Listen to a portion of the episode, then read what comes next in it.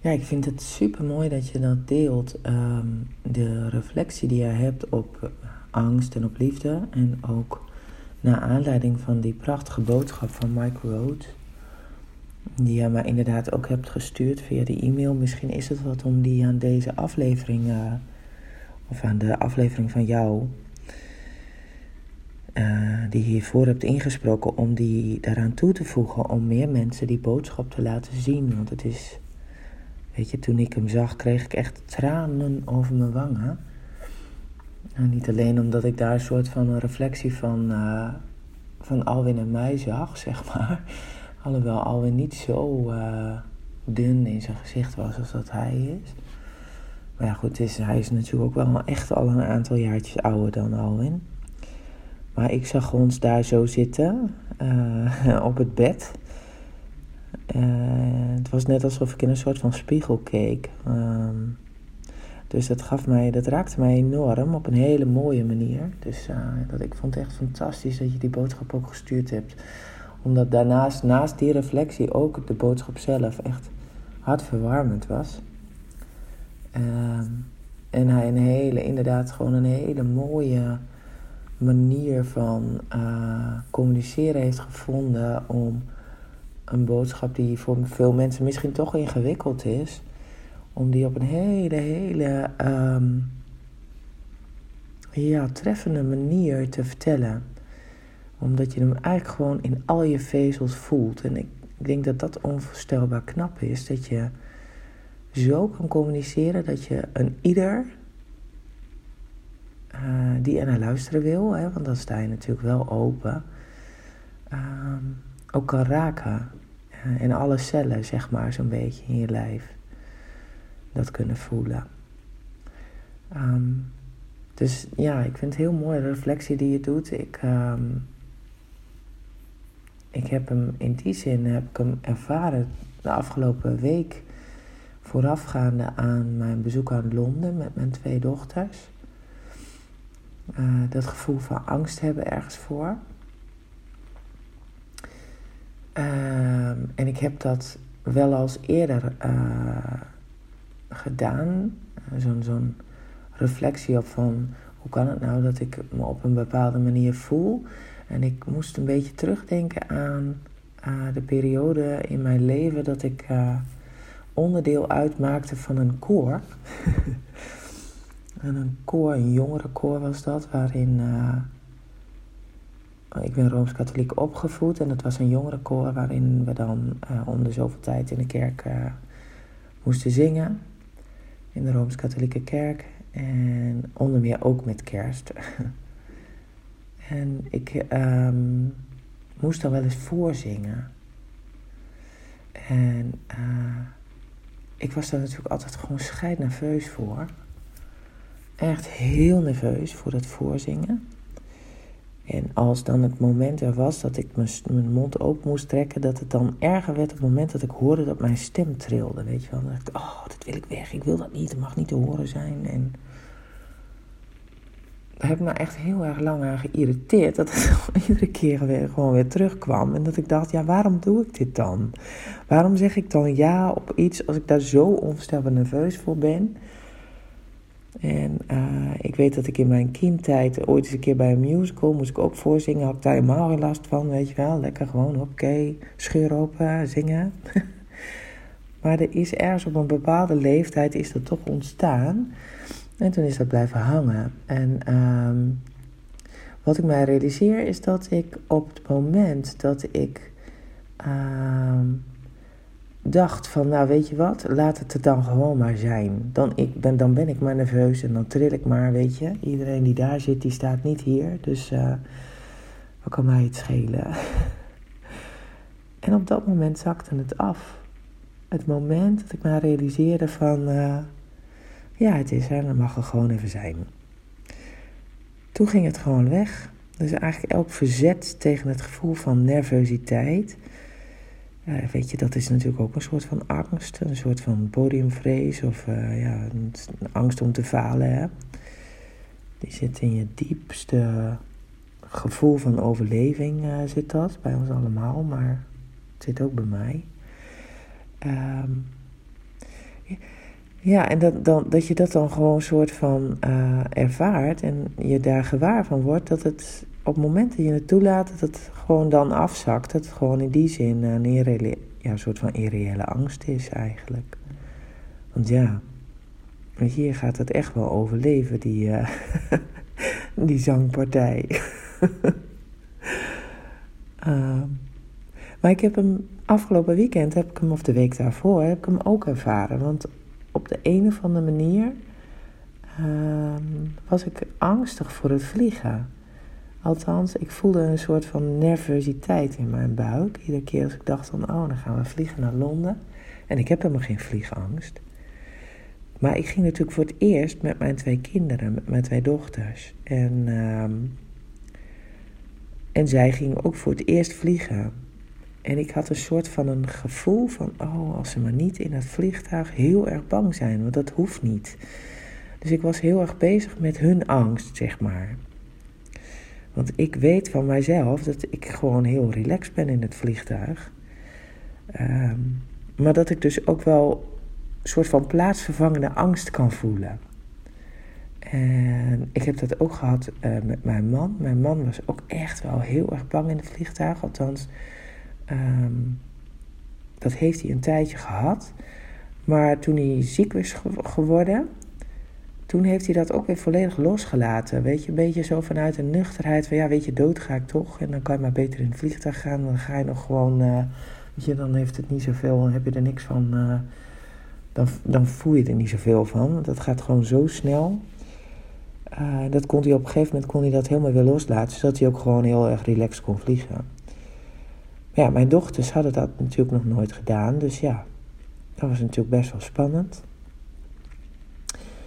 En ik heb dus voor hen een soort van plaatsvervangende angst gevoeld. Dus ik dacht bij mezelf, ja, weet je, laat ik dat maar gewoon uh, voelen dan, weet je. Uh, gewoon denken van, denk, denken dat je het voelt of niet. En toen ik me dat realiseerde, dat ik er weer vreselijk over na aan het denken was, dacht ik, oh, wacht even, ik moet daar gewoon helemaal niet over nadenken. Ga maar gewoon ervaren. En uh, kijk maar hoe het, hoe het is op het moment dat je in dat vliegtuig zit en hoe zij er dan bij zitten en wat het met jou doet. Dus ik ben mijn experiment van het denken over het voelen uh, weer eens even aangegaan en... Uh, dat is mij rete goed bevallen wederom. Want toen ik in het vliegtuig zat en ik mijn dochters feitelijk vanuit mijn eigen rust kon begeleiden, want ik was gewoon echt heel relaxed. Weer in het vliegtuig. Ook omdat ik dacht, ja weet je, als we nu gaan met z'n drieën, dan gaan we maar. Dan, dan is het zoals het is. We laten natuurlijk mensen achter, maar ja, weet je, mijn dochters zijn daar ook wel heel erg nuchter in. Dan is een van mijn dochters zei op een gegeven moment van... Mama, ja, weet je, ik kan wel bang zijn voor vliegen, maar ja, als die neerstort... dan gaan we met z'n drieën en dan hebben we een heel mooi leven gehad, weet je wel. En uh, ja, die nuchterheid die er dan bij mijn dochters ook kan zijn... dat vind ik dan zo mooi... dat... Uh, dat ik daar ook wel weer heel erg trots, trots op ben, weet je. Dat er een soort van een van, van een gevoel is van ja, weet je, als je in het moment leeft, als je het nu leeft, dan heb je altijd een goed leven gehad. Ondanks dat daar misschien hele zware momenten bij zijn gegaan, uh, geweest en momenten van heftig verdriet en um, teleurstelling of boosheid of ja, intense vreugde, weet je. Al die, die emoties die je kan voelen, die zijn er altijd in het moment. En um, ja, dat je dan uh, met z'n drieën daar in dat vliegtuig zit. En dat hij opstijgt, dat je dat enorme heftige gevoel van dat je achter in je stoel wordt gedrukt. Ja, ik vind dat heel erg cool. ja, de kracht die daarbij uh, vanuit zo'n ding wordt ingezet om dan de lucht in te gaan met z'n allen. Dat is toch een uitvinding van de mens. Dat is toch fantastisch eigenlijk. Dus ik, ja, ik kon heel erg goed um, in mijn eigen rust mijn dochters begeleiden. En uh, toen die een keer in de lucht hing, ja, toen werden ze er ook wel, waren ze ook relaxed. En uh, ja, de terugreis vanuit, uh, vanuit Londen terug was het dus gewoon helemaal geen angst meer voor, bij mijn dochters. En ehm, dat zegt ook iets over het ervaren van dingen. Weet je, als je één keer ervaart en in het moment gewoon voelt hoe je je dan voelt, dat dat leidend kan zijn voor een volgende keer, dat is ook wel heel waardevol. Ehm, en dat ze dat ook hebben ervaren, zeg maar. Dat ze, hoe ze zich in een moment, moment voelen, dat dat voor hen voor een volgende keer dat nieuwe moment ook kan zijn. Ja, dat is wel bijzonder. Dus uh, de boodschap van Michael Rhodes voorafgaande aan de vlucht. En jouw reflectie die ik nu pas na Londen heb gehoord, komen ook wel weer heel erg mooi samen, vind ik dan, in zo'n uh, in reflectiemomentje. Dus uh, ja, wel mooi. Ik, uh, ik heb een heel mooi weekend gehad in Londen met mijn twee dochters. En uh, het was wel weer een belevenis.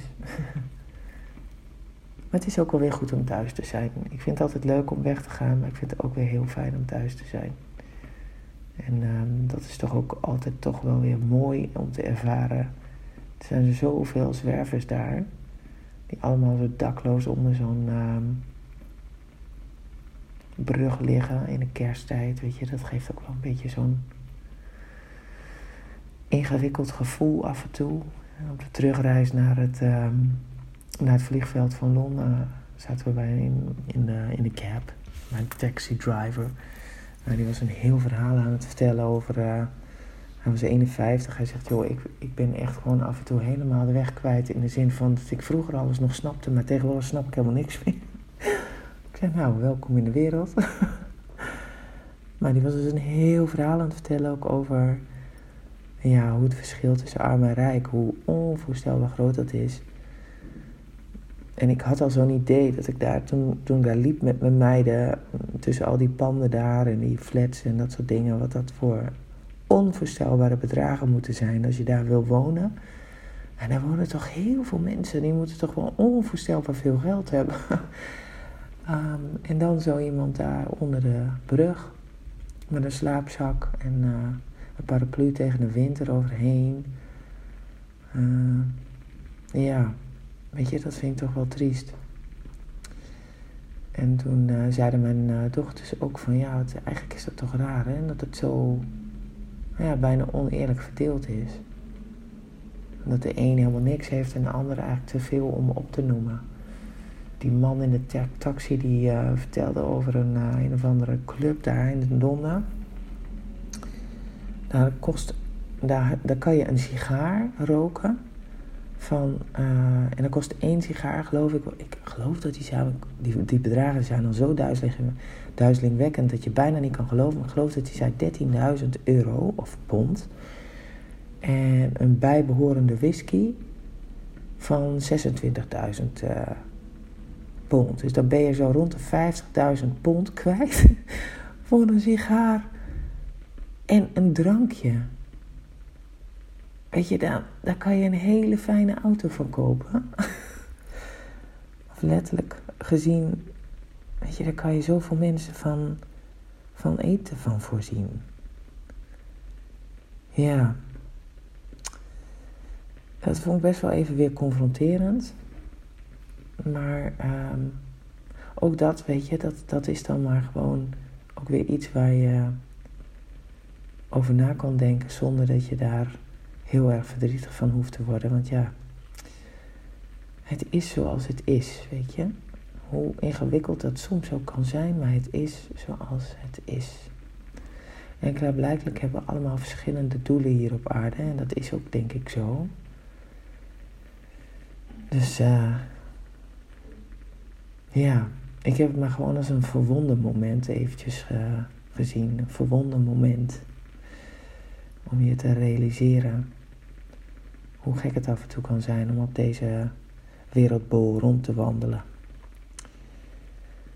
Maar goed, dat was weer even de reflectie van de maandagochtend. ik ga weer even lekker aan het werk. Want ik heb plezier in mijn werk, in wat ik doe. En uh, ja, ik weet eigenlijk helemaal niet of je op de achtergrond een soort van knetterend uh, geluidje kan horen. Dat is een kaars. Die kaars die knettert. Het is heel gezellig. Er zit zo'n geurtje aan. Maar dat is zo'n knetterkaarsje. Dus bij het knetterkaarsje en een kopje koffie ga ik lekker beginnen met mijn werkdag. Ja, fijne dag ook voor jou.